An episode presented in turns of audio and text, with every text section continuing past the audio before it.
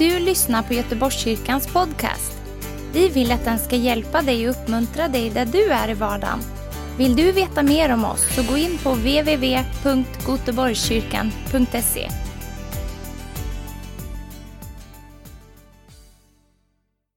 Vi har satt upp ett eh, tema för den här dagen och det är de här eh, sju eh, drivkraftsgåvorna som står i Romarbrevet kapitel 12, vers 6 till 8. Så jag skulle, eftersom jag inte har en mobiltelefon nu då, så önskar jag att någon kan läsa ur en pappersbibel. Kanske, är det någon som har en pappersbibel? Annars kanske det finns någon här på finska. Romarbrevet 12, vers 6-8, ur en pappersbibel. Jag har en mobiltelefon men den är på guidning hit. Den var inte så lätt att hitta hit. Till rättare vägen. Eh, men, eh, ja, kör vi. Joel får läsa. Så kan du läsa eh, alla verserna, vers 6, 7 och 8. Vi har olika gåvor, allt efter den nåd som vi har fått. Den som har profetians gåva ska profetera i överensstämmelse med tron. Den som har gåvan att tjäna ska tjäna i sin uppgift. Den som undervisar ska undervisa i läran. Den som förmanar ska göra det i den uppgiften. Den som delar ut gåvor ska göra det utan baktankar.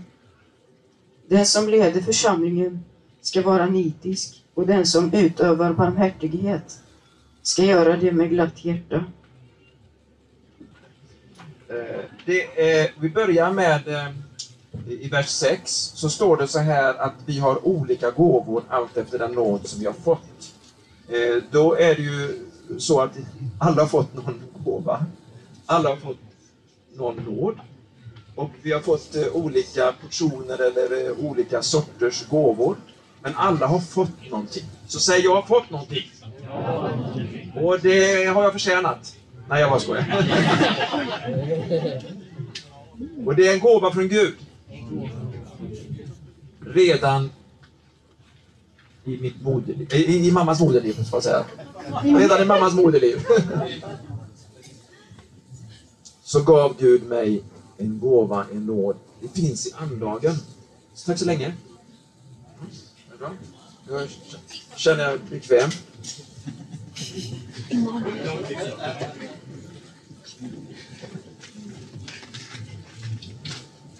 En av de sakerna jag blev mest fascinerad över som nykristen och nyfrälst, det var de olika gåvorna. För att i denna världen så är det inte så mycket av att man betyder så mycket av nåd. Eller i den här världen är det så mycket tävlande och prestation. Och det är så lite utav uppmuntran och se varandra med rena motiv.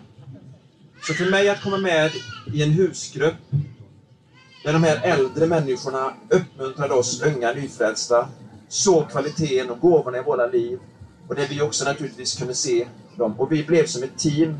Det var fantastiskt för mig. Livsavgörande för mig. Men jag blev ju också frälst för att många fungerade i det här teamet och talade rätt in i mitt liv. Så den första gåvan jag vill gå till här och ha, ska vi se här nu, fem minuter. Eh, så ska vi ta fem minuter eh, per gåva.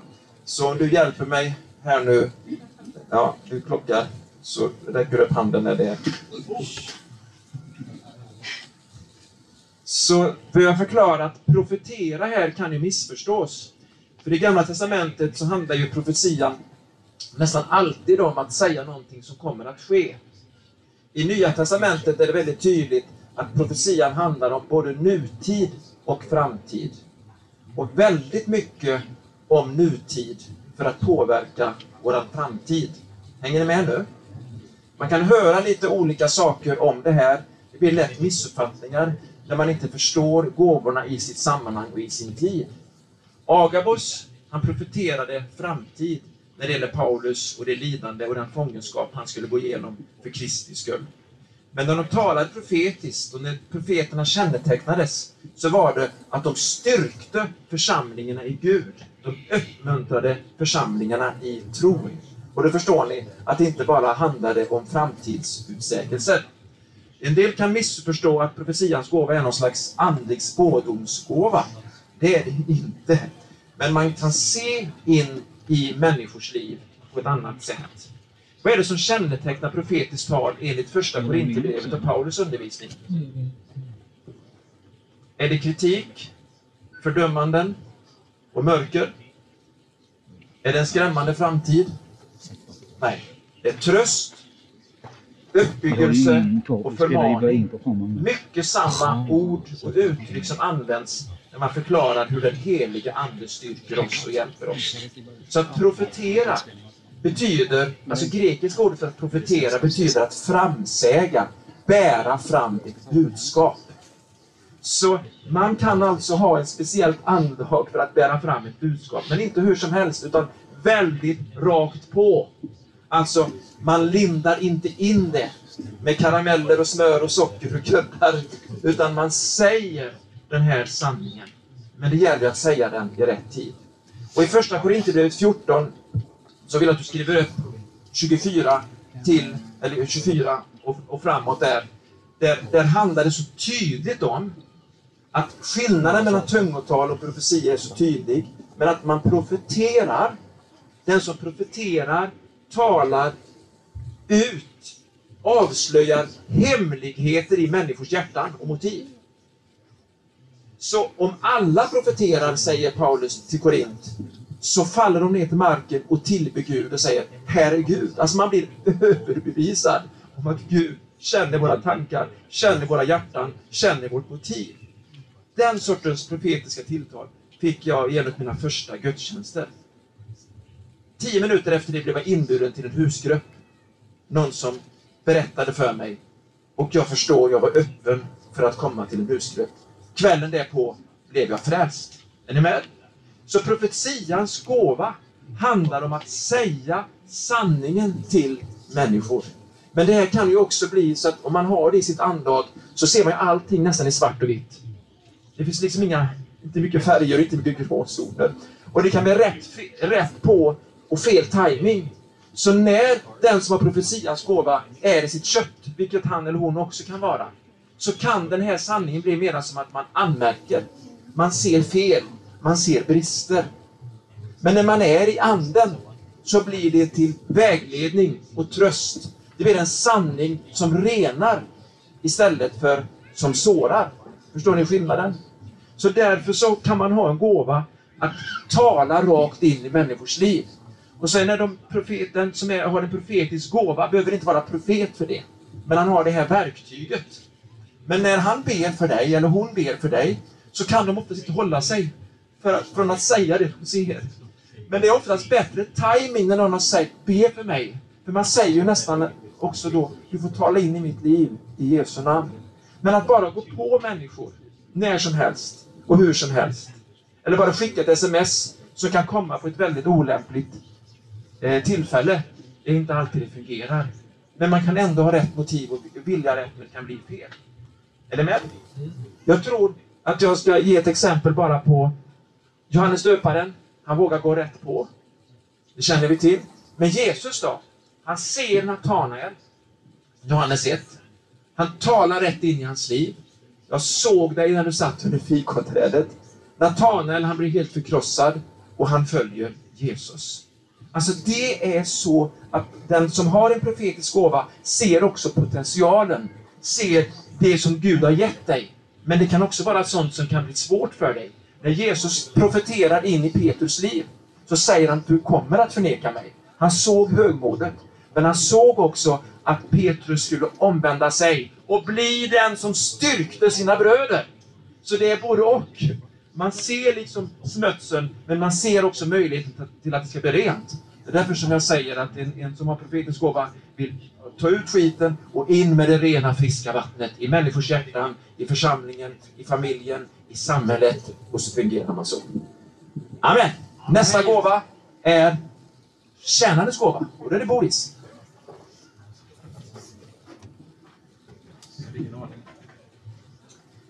Den som har gåvan att tjäna, eller diakonia som det står, ska tjäna i sin uppgift. Romarbrevet 12 och 7 då. Jag försökte få till någon form av definition av gåvan. Och den är ju inte fullständig. Det Går ju säkert att komplettera och förbättra. Men en förmåga av Gud att med glädje uppfylla de praktiska och nödvändiga behov som frigör, stöder och möter andra människors behov så att Guds ord har framgång, Guds rike utbreds. Försök i alla fall. Om du kommer in i ett rum och där det ska vara en samling och du ser praktiska saker som inte är fixade och du vill hjälpa till att lösa det, då är det troligt att du har en tjänandets gåva, skulle jag vilja säga. Men det kan också handla om ledarskap, eller det kan också handla om gåvan att eh, styra, styra upp. Eh, men eh, du ser praktiska saker som behöver fixas och du vill hjälpa till. Då finns troligtvis den här gåvan inom dig. För du går in i en situation med de ögonen. Och när man går in i ett rum så ser man olika saker. En del ser människorna, en del ser det praktiska som ska göras. Eh, en del ser någonting annat. En del kanske inte ser något. Hoppas jag inte. Eh, första Petrus 4.10 säger Tjäna varandra var och en med den nådegåva han har fått, som goda förvaltare av Guds mångfaldiga nåd. Så det är inte så att den som inte har tjänandets gåva inte ska tjäna. Jag tror att här är viktigt att se skillnaden, att alla gåvor fungerar utifrån en tjänande attityd. Men just tjänandets gåva, där finns det en, en större glädje, en större passion och ett fokus på de praktiska uppgifterna som behöver göras i sin situation. Jag tänker på min mormor, mormor och morfar, jag har sagt det många gånger tidigare. Jag är helt övertygad om, även om de inte pratar om Andens gåvor i den liksom, kyrkkontext de var i, så fungerade de i tjänandets gåva. Jag tänker på deras liv. Eh, min morfar som var den här äldsta personen som jobbade de längsta passen när den nya kyrkan skulle byggas. Som hade svårt att stanna upp och fika för han ville liksom bara få klart liksom målningen. Han hade sån passion i att jobba praktiskt. Mormor som jobbade som hemsamarit under många, många år. Och alltid tog med extra tvätt hem, alla de här grejerna, för att göra det lilla extra. Och hjälpa dem som hon servade. De hade alltid mid extra middagsgäster i bordet hemma. Och jag hörde dem aldrig klaga eller gnälla över det, utan de gjorde det med glädje och såg det som sin, som sin liksom, uppgift och glädje i livet, att tjäna andra människor på olika sätt. Jag tycker de är fantastiska exempel. Och vi har också bibliska bibliskt exempel, Apostlagärningarna 6 och 1, där vi har det här, den här gruppen grekisktalande änkor som var så beroende av att någon hjälpte dem. Deras män var döda och därmed så hade de inte heller någon försörjare. De stod i en väldigt utsatt position i samhället. Och de började klaga för att de blev inte prioriterade. De glömdes bort och de fick inte den mat de behövde och den hjälp, praktiska hjälp de behövde. Och eh, apostlarna fick försöka lösa detta, men de kände att de kunde inte vara liksom överallt. Och då fick de troligtvis visdom ifrån Gud, för jag kan se flera gåvor kopplade här. Eh, både givande, människor som ger in resurser.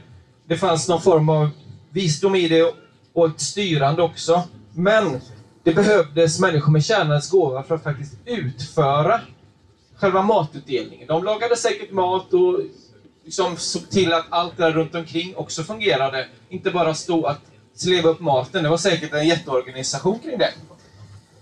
Det behövdes handlingskraft. Det behövdes förvaltning och det behövdes framförallt människor som de kunde lita på. Pålitliga människor som inte bara struntade i det. För vad skulle hända då? Jo, det skulle, de skulle inte få någon mat. De skulle hamna i en otroligt utsatt situation. Därför var ju kriterierna att de skulle vara fyllda av tro, helig ande och det skulle vara pålitliga personer som de valde ut. Och då valde de ut ett gäng människor som fick ansvara för den här uppgiften. Och det finns ju såklart fallgropar inom alla gåvorna. Och jag, jag tänker på Marta Maria. Det är en typisk sån där grej man tänker på. När eh, den, Maria sitter vid Jesu fötter och Marta springer runt och donar och fixar med allt det praktiska. Och båda grejerna behövs ju. Men hon, Marie, eh, Marta följer in i det här liksom att hon tappade blicken från Jesus. Jag tror att det är en typisk fallgrop man blir så uppfylld av det praktiska så man tappar bort liksom, liksom hjärtats passion för Jesus. Så det tror jag är en, eh, någon, någonting som man ska vara på, vakt, på sin vakt med när man har tjänandets gåva. Man gillar kanske meningen eh, Det var väldigt mycket snack med lite verkstad. Och det där kan ju bli en attityd tror jag, hos de som jobbar praktiskt. Jag själv är en som jobbar mycket praktiskt och jag vet att det är någonting som man får slå vakt om sitt hjärta. Och när man håller på ett tag kan man bli trött och man kan bli kritisk och gnällig över de som man tycker inte gör något. Så här är också något man får vara väldigt försiktig över. Och jag tänker också att man behöver vara mån om att man faktiskt får vila, man får fylla på. Ehm. Och sen kan man också bli den som försöker fylla alla behov. Man försöker lösa allt. Och jag tror att man ska verkligen vara mån om att delvis vara ledd av Gud och prioritera rätt. Så att man fyller de behov som man ska fylla och inte alla världens behov. För det är inte tanken. Man kan också komma in i ett gnostiskt tänk. Med det menar jag det här som redan fanns i den första församlingen. Där man delade upp det jordiska och det gudomliga. Och där man liksom hela tiden försöker polarisera det praktiska, att det inte är andligt. Och så ser man ner på sin praktiska gåva och tänker att men den är inte liksom andlig. Och så liksom sätter man det som i två olika delar och då blir målet hela tiden att man ska göra någonting annat. Jag tror att man ska liksom förstå att Gud har kallat en till att göra det praktiska i den heliga Ande. Eh, och att det man gör, gör man liksom för Jesus. Och då spelar det ingen roll om det är praktiskt eller om det är man talar eller det är olika saker. Men här tror jag vi många gånger tyvärr frestas i att gå in i det här jämförelsetänket. Och vi kan också bli kötsliga. Har fem minuter gått? Oj, så mycket! Vi ska akta så att inte egen ambition och vinning och bekräftelsebehov är drivkraften. Amen. Amen.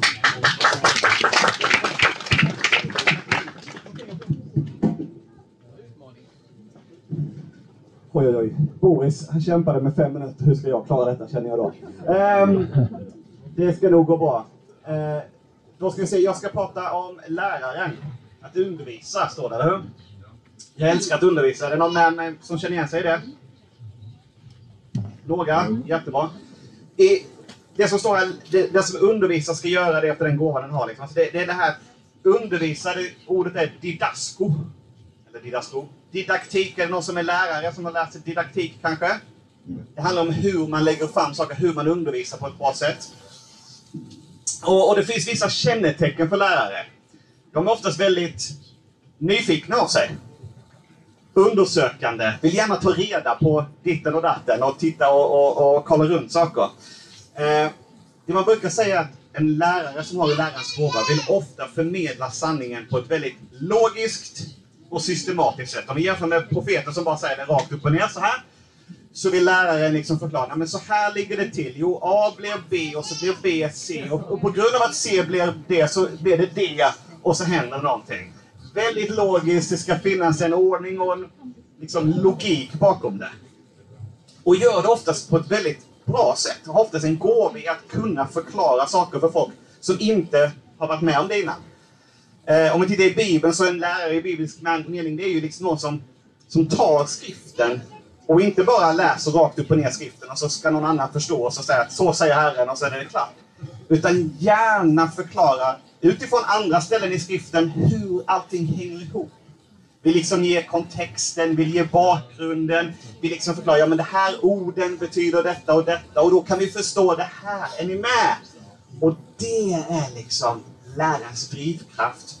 Att få se att andras lampor tänds, om man säger så. Det är det roligaste som lärare, att se att ja, nu lyckades jag förklara så att du fattade. Du liksom, yes! Det made sense till dig också. För läraren tror oftast att alla andra är som den själv också. det vill säga att, att de alla andra förstår lika logiskt som man själv förklarar.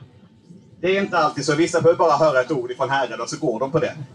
Men det, läraren kan vara lite, och det, det finns en nackdel där med läraren. Läraren kan ibland ha svårt att ta till sig profetiskt tilltal.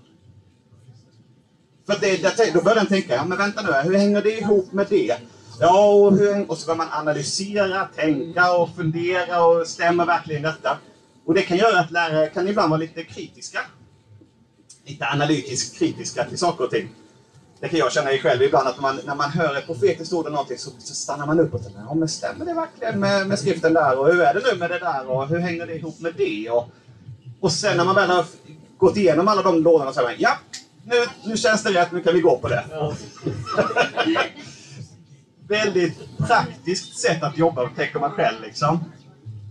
Men fokuset är på sanningen och precis som profeten som talar ut sanningen så vill ju läraren undervisa och förklara sanningen. Så att det liksom blir förståeligt för den som hör det. Och tror att bara jag förklarar sanningen för någon så kommer det ge ett resultat. Läraren tänker inte så mycket kanske alltid det praktiska huret alltihop. Utan om jag förklarar och berättar att så här är sanningen så fattar du ju vad du ska göra. Eller hur? För du har ju fått sanningen presenterad för dig. Ibland är det så, ibland är det inte så. Men läraren har en längtan att bara få gå in i detta. Det som en lärare kan ha svårt med, det är det här med fokus. Kanske man tänker, men lärare har väl jättebra fokus? Ja, men en lärare kan oftast ha ett nyfikenhet och vetgirighet som gör att man gärna Oh, här var något som jag vill ta reda på mer om och här var något som jag gärna vill ta reda på. Jag kan tala till mig själv, jag har den här gåvan. Det kan jag tydligt säga. Mina barn skulle säga amen på den också. Och det är om jag får en fråga som jag inte vet svaret på, då tar jag reda på den frågan. Då tar jag reda på den. Jag har sagt till min fru att hon får inte ställa mig frågor som hon inte tror att jag kan svaret på. För om hon gör det, då kommer jag direkt ta fram mobilen, jag kommer börja googla och ta reda på, för jag vill veta svaret. Och då tappar jag lite fokus just där då, för då är det det som är det viktiga. Jag är så nyfiken och ha reda på vad som gäller. Tittar vi i Bibeln, ett typiskt exempel på en, en lärare, så är Lukas. Kanske inte tänker på så, men han var en läkare, men han var en tydlig lärare. Om man läser i, i Lukas 1, så säger han att jag, jag ska noggrant redovisa för dig hur allting ligger till, så att du själv kan utvärdera vad som är rätt och vad som verkligen har hänt. En noggrannhet att lägga fram någonting för någon annan. Så, att, så här ligger det till, titta på det, så får ni se liksom, och så får ni själva ta beslutet därefter. Läraren tar oftast inte ansvar för besluten som andra tar. Vill gärna bara presentera sanningen och så får någon annan ta, ta det vidare. Um, och hemma så är det ju väldigt vanligt vid middagsbordet. Mina barn kommer och ställer mig frågor och då, då, då kan jag ibland sätta igång i min...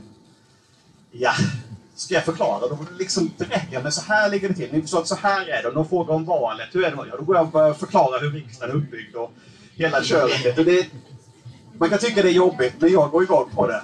Och jag, då får jag bara säga till mina barn, nu får ni säga till mig om jag ber för mycket. Ja, det är ganska intressant. Jag vill bara dela det, för det, jag tror det är viktigt att tänka på. För att min dotter kom till mig och sa, du vet i USA när de kommit med den här dumma lagen om, om, om abort. Hade hon fått höra i skolan att det var en dum lag som hade gjort igenom i USA om abort, att det var förbjudet och så här. Så frågade jag, vet du vad abort är? Ja, att man tar hand om någon annans barn. Nej, det var ju adoption det ja. Hade hon missförstått vad det handlade om? Så fick jag förklara för henne vad abort var. Så tog jag fram en bok, det finns en bok av en sån här fotograf, jag tror han heter eh, Lennart Nilsson, ja. Där han fotograferar foster i olika stadier och så här. Och så visade jag henne och förklarade att det finns svårt att förstå. Det här, är detta liv, är det inte liv, är det... Vad, vad, vet, och jag sa inte till henne vad hon skulle tro, men jag, vet, jag började visa så här och så här tycker de här på den här sidan, så här tycker de på den här sidan. Och hon fick en förståelse på ett helt annat sätt. Jag sa inte till henne vad hon skulle göra, det är klart jag gav min rekommendation.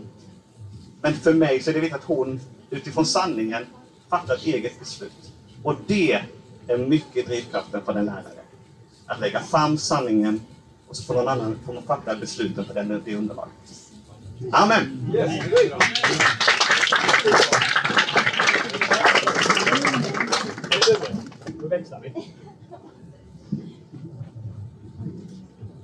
Tack. Fem minuter går väldigt fort har jag förstått här. Så jag kommer prata dubbelt så snabbt. Nej, jag har om gåvan att förmana. Och jag tycker att det är eh, och inte bara förmana, uppmuntra, sporra, peppa, tagga. Nu för tiden ser man ju mycket peppa. Är du pepp på det? Eller eh, tagga säger nog kanske lite äldre tonåringar. Men det handlar ju om att liksom få människor att utvecklas, att få passion för någonting, att eh, jobba på och komma framåt, kanske få upp farten för någonting och utvecklas. Så eh, jag har ridit i många år, inte så mycket nu i vuxen ålder. Men är det någon som har sett en riktigt god så här, cowboyfilm? En western movie? Yes. Har ni sett cowboyerna när de sitter här med sina sporrar i bak med en stjärna? För att kunna kicka till hästen. En sån där stjärna kallas för en sporre. Att man har sporrar på, på ridstövlarna. Så nu vet vi var sporrar kommer ifrån också. Att, eh, att använda de här det finns olika typer. Det finns de som är väldigt vassa med stjärnor som kan skada hästen, som kan skapa sår, riva upp, skapa inflammationer. Och man använder dem i aggressivitet. Men det finns också mjukare, runda, korta som jag hade när jag var yngre. Eh, som kanske bara ger en liten extra kick så att hästen svarar och vet vad den ska göra. Man driver på lite framåt. I lagom kraft så är det ett bra verktyg. Men för mycket kraft av det här så skrämmer det bort och kan bli obehagligt. Eh, det kan bli fel och människor kan tappa förtroendet om man förmanar utan kärlek. Kärleken till människor och till den situationen är helt avgörande för att människor ska lyssna till dig. Gåvan är ju till för att uppmuntra och hjälpa människor att komma framåt och utvecklas våga ta nya steg. Att bli förberedd för det som ligger framför, att ta evangeliet mycket längre, att stretcha människor, våga, våga ta steg som man inte har vågat ta förut. Det är helt fantastiskt. Kanske våga satsa på någonting som du märker att Gud lägger i ditt hjärta. Och när den gåvan kommer i funktion, har ni varit med om man står och ber och så ber man och så kommer bara wow, wow, wow, wow, wow, wow. Det väcker tro i våra hjärtan. Den gåvan kan förlösa så mycket tro. Men man kan också ha svårt att ta emot den här gåvan. Oh, oh, det känns jobbigt och det känns obekvämt att gå utanför sin egen comfort zone. Men om vi tar emot den gåvan, när den ges i kärlek så kan den förändra liv. Eh, gåvan kan, kan ju vara en funktion av olika människor. Den kan ju ta sig lite olika uttryck beroende vem det är som agerar i den. Jag har skrivit ett litet exempel.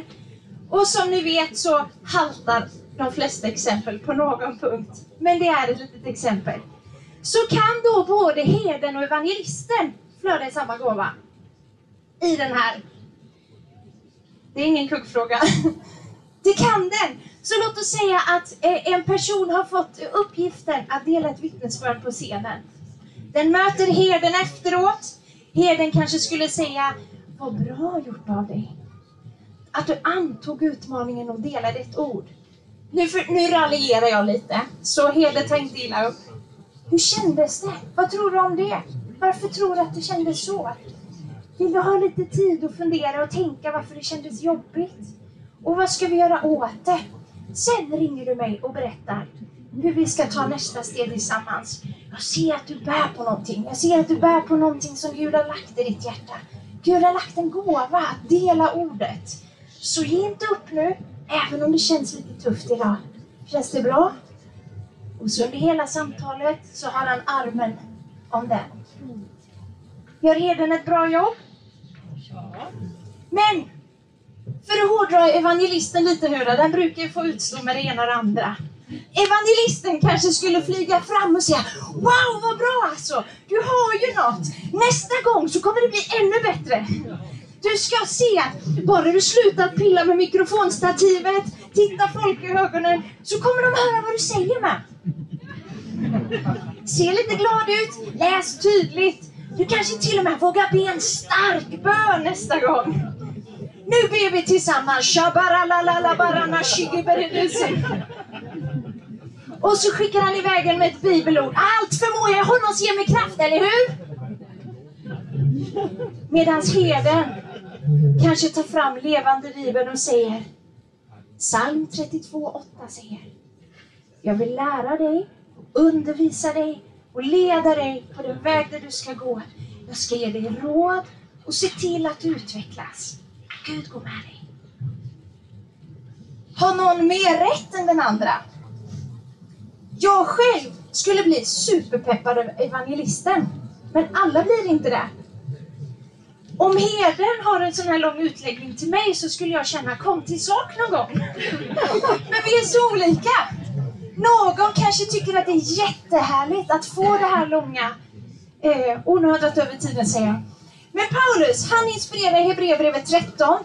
Eh, hela kapitlet är för mig bara förmaning, uppmuntran, peppning och sporrning. Att bara fortsätta jobba på sin karaktär, sträcka sig framåt, hålla fast till kärleken och så avslutar han.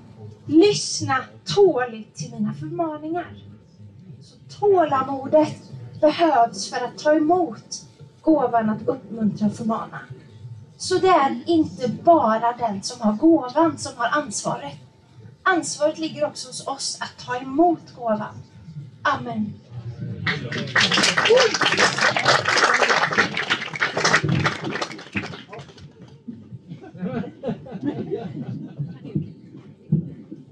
Upp och ner och ner och upp. Här går vi fram och tillbaka. Yes! Eh, jag har fått förmånen att få prata om givaren också. Och det är ju fantastiskt. Att ge i Guds rike. Och jag funderade ner på det här. Jag fick frågan att göra detta och tänkte vad ska jag säga om det här nu då? Christian sa så här, jag ser den gåvan över dig, er. Tänkte, ja, det är sant. Min fru är inte här nu, men min fru är en otroligt generös person.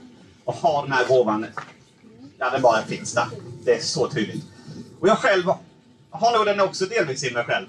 Och den här gåvan är ju att man vill ge för att välsigna andra.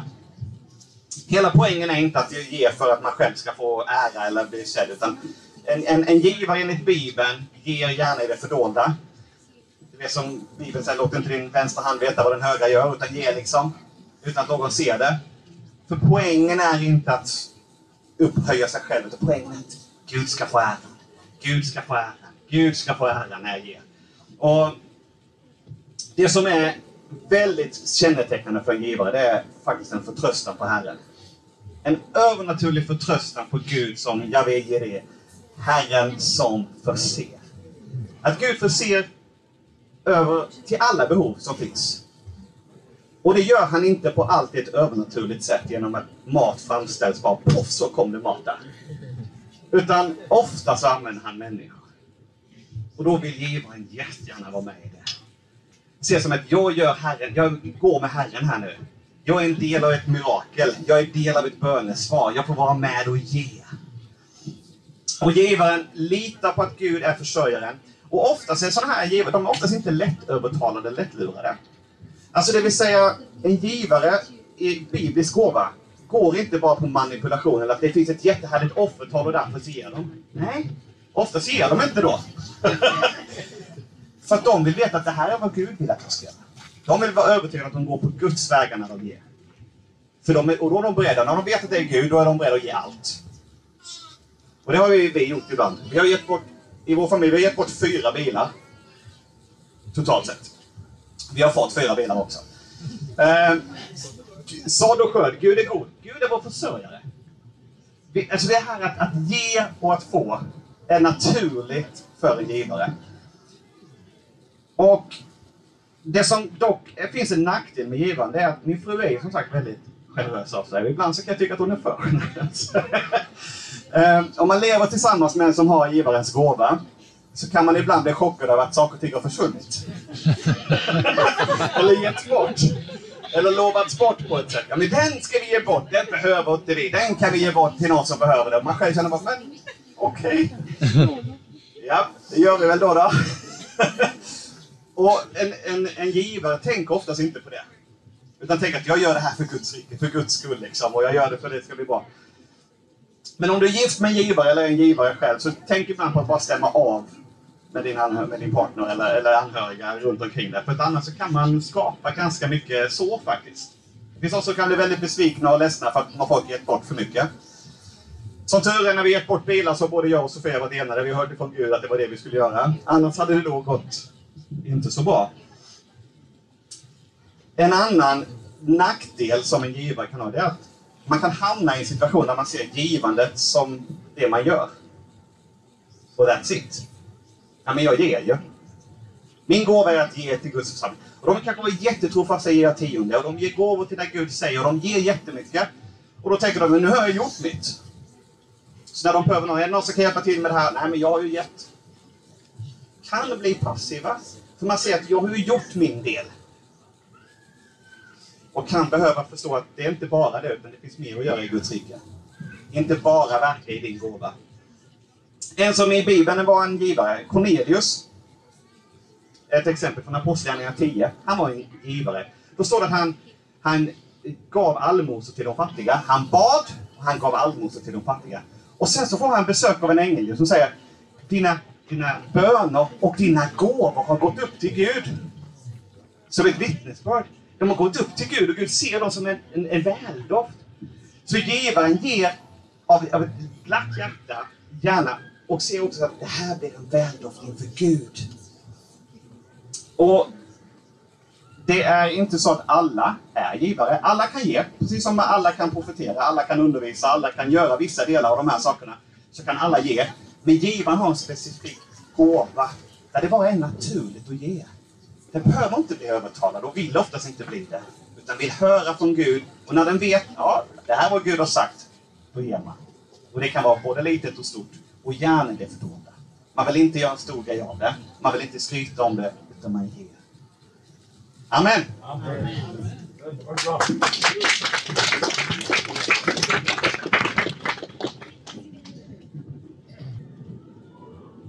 Vi kan stå upp. Så gör vi den här klassiken.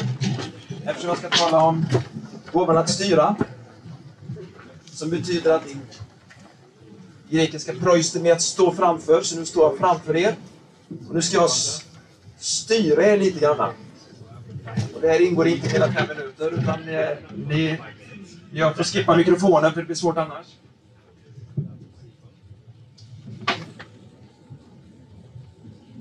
Gör så! Gör så! Gör si! Ja, då ska jag förklara då. Att ni som... När jag säger gör si, då får ni inte göra det. Då har jag, då har jag lurat. Men när jag säger gör så, då ska ni följa mig. Men när jag säger gör si, så betyder si inte. Det är väldigt förvirrande. Ja. Gör så! Gör så! Gör si! Gör si! Gör så! Gör så! Gör si! Ja, nu får du ställa dig ner. Okej? Är du med? Gör så! Så! Si! Ja, nu får du sätta dig. Ja, jag såg riktigt. Gör så! Gör så! Gör si! Nej! Gör så! Gör si! Jag vet att det gick bra. Gör så! Då har vi vinnarna. Vi får, ge får en applåd.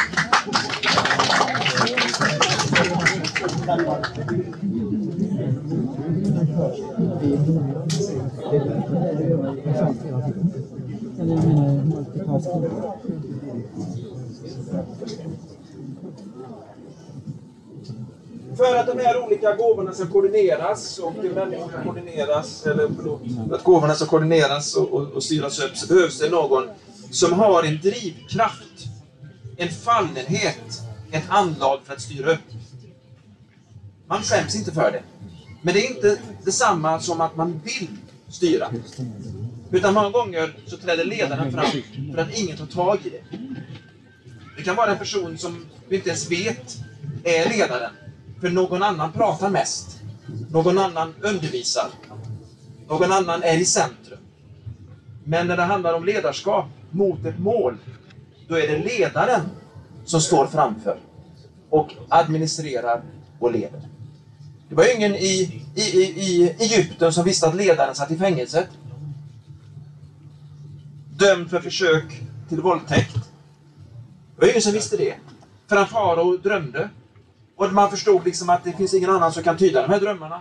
Och när farao står inför, Josef står inför farao så tyder han inte bara drömmarna. Utan han ger råd hur farao ska administrera och styra upp hela verksamheten. Alltså, liksom, alltså, det bara fanns där. Men tänk, har inte han varit i funktion under alla år? Jo, bara den kom så blev han satt att leda, att förestå men också agera i sin gåva att visa omsorg, tyda drömmar och så vidare. Så att stå framför människor innebär inte alltid att man är en dålig person och vill manipulera och styra och ha makt. För jag tror att från början så var ledarskap någonting positivt. För Gud är ju ledarens ledare, eller hur? Han har ju det goda. Men vi har tänkt så mycket negativt om ledare, talar så illa om ledarskap. Och en del hatar all form av ledarskap och vill inte ha något styre alls. Men då har man inte upptäckt och varit med om ett gott ledarskap. En god mamma, en god pappa, en god ledare, lärare, pastor eller ungdomsledare eller vad det nu är. Men vi tror på ett gott ledarskap med ett gott motiv. När ledaren manipulerar och styr med andra mekanismer än Guds kärlek och Guds ord och ett rent hjärta, då blir det manipulationer. Men mogna människor avslöjar det ganska så snart och ska våga göra det. En ledare är typiskt den som antecknar, gör listor, strukturerar upp och får människor att göra de här olika sakerna. Men ser också till att varje person får lika mycket värde och uppbackning. Men många gånger så hinner ledaren inte med den enskilda personen. Så många människor kan känna sig bortglömda av ledaren precis när de leder och styr upp. För då är de ju så mycket ledare. För mig var det väldigt jobbigt när jag var på läger med alla ungdomarna, så skulle man leda alla ungdomarna samtidigt som man hade sina egna barn med. För då blev ju de bortglömda, för då var jag ju så mycket då i att leda och samordna. Så det finns inte någon gåva som inte har en brist. Men det kan vara för att någon annan inte täcker upp och är där och kompletterar ledaren. Strax så ska eh, Fredrik tala om gåvan att vara medkännande. Och just den gåvan kanske mest behöver komplettera ledaren. Att det finns någon som står där bredvid och tar hand om människor. Precis som coachen behöver ju en massör. Men coachen säger ju liksom inte Åh, Kalle, han är skadad, han har fått en lårkaka, vi slutar matchen, vi, vi, vi, kan inte hålla på längre. När han tar in massören så får ta hand om Kalle vid sidan om planen för matchen ska genomföras. Betyder inte att han inte bryr sig om Kalle, betyder att någon annan bryr sig om Kalle så han kan vara med i nästa match. Det är ledarens förmåga att samordna och styra och ställa mot samma mål. Så vi behöver ledare. Så det säger jag punkt och ger min extra minut till Fredrik.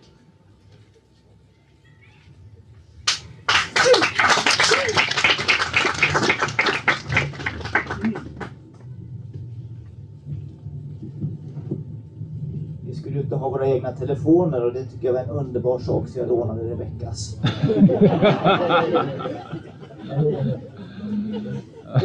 Barmhärtighetens gåva det är att känna medlidande och att kunna trösta. Att göra det på ett övernaturligt sätt, nämligen med hjälp av Herren.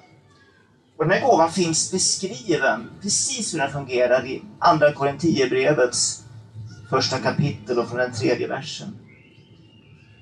Välsignad är vår Herre Jesu Kristi Gud och Fader, barmhärtighetens Fader och all trösts Gud. Han som tröstar oss i all, säg all, all vår nöd. Så att vi kan trösta dem som är i nöd med den tröst vi själva får av Gud. Här ser vi att vår fader är barmhärtighetens fader. Ordet barmhärtighet, mercy på engelska, det kommer från tyska som heter barmherzig. Barm betyder bröst och herzig betyder hjärta. Det är hjärtat i bröstet som liksom ger trösten från Gud till människan. Och den här gåvan, den är en oerhört viktig gåva i församlingen. För den som har den här gåvan, han är inte så upptagen av struktur och listor och andra saker. Han har ingen aning om var golvmopparna finns någonstans. Men när han ser, men när han ser en människa i nöd, så är det helt naturligt för honom. Där andra bara tvekar in i ett sorgehus, in i någon som är sjuk, någon som har det jobbigt. Han bara går fram och kramar. Det är helt naturligt för den människan. Bara, bara ser i ögonen Varför? Därför att den människan har själv fått tröst av Gud. Och det är både drivkraften, men det är också själva gränsen. För det stod här att vi gör det utifrån den tröst vi själva fått. För den som har den här att se människor, att kunna hjälpa, stötta, känna medlidande. Både genom att lyssna, samtala, kunna köpa extra mjölk, kunna besöka, göra praktiska saker. Många gåvor sammanstrålar i den här tjänsten. Men risken är att man blir så överväldigad av all nöd och allt det som finns runt omkring så att man åker runt tills man själv blir helt modfälld och nedslagen. Men limiten är att kunna själv få utöva denna gåva utifrån den tröst som man själv har fått av Herren. Att vara barmhärtig. Har vi något bibliskt exempel? Ja, vi har flera. Jesus, när han gråter över Jerusalem. Och då är det det, det gråt som liksom går sönder ända inifrån.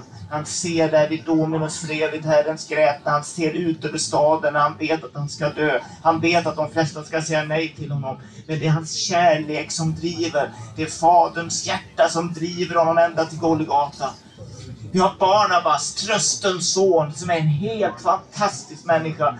Gud hade verkligen fyllt honom så att han, när alla är tveksamma till Paulus, men det var ju han som höll på att fördriva kristna och döda dem. Men han såg kärleken. Paulus är min broder, jag älskar honom. Och så han kramar om honom och lyfter honom in i värmen. Och han får vara med i gemenskapen. Och likadant med Barnabas när han står i väckelseskedet i Antiochia och det är massor med folk som blir frälsta. Så tänker han, men min broder Paulus, han är ju Tarsos, ett par dagsresor härifrån. Jag lämnar allihopa, för det är min broder, jag älskar honom. Jag bara känner barmhärtigheten mot honom. Han ska ju vara med här, jag vill trösta honom. Och så sticker han dit och det fanns inga bussar utan det tog lång tid. Men han gjorde det därför att han älskade. Det var ett hjärta som älskade. Och den här gåvan, Ska den här vara bara den här gåvan i församlingen så då kommer vi gå under allihopa därför att vi kommer aldrig få någon struktur på någonting. Den här gåvan behöver underställas, men den måste få finnas. Och då är det inte så att den, den som utövar barmhärtighet har den uppgiften att jag, Pettersson och Svensson lever i livslånga depressioner så nu är det min uppgift att varje torsdag åka dit och trösta. Målet är att den som har barmhärtighetens gåva får krama om och leda ut i frihet och säga men jag har själv fått uppleva nåd ifrån Gud. Du kanske upplever samma. Och med den trösten som Pettersson, Andersson och Lundström och Sanchez och alla andra blir tröstade med så föds någonting att jag kan ju själv få trösta andra. Är inte det underbart? Det är barmhärtighetens gåva i funktion. Och det här är hjärtat. För att det är Guds egenskap. Guds egen egenskap, Faderns barmhärtighet i församlingen. För då blir sanningen, som profeten säger, när den blir kopplad med barmhärtigheten, så blir den sanning som frigör. När tjänaren får ha en del av barmhärtigheten och en barmhärtig människa är med och städar och gör allt det här praktiska, så blir det med en, ett hjärta i det hela. Det här är Guds tanke med oss, att få göra detta. Jesu namn, så ska du få, när du får känner att ja, men det här är någonting som jag lever i, så bulta på. Älska människor, men se till att du får leva i den själv, att du får trösten och barmhärtigheten av Herren så du inte kör slut på dig. Gud är god. Nu ska jag stänga av Rebeckas trä. Jag ska ge den till henne för att bestämma själv vad hon gör. I Jesu namn. Amen.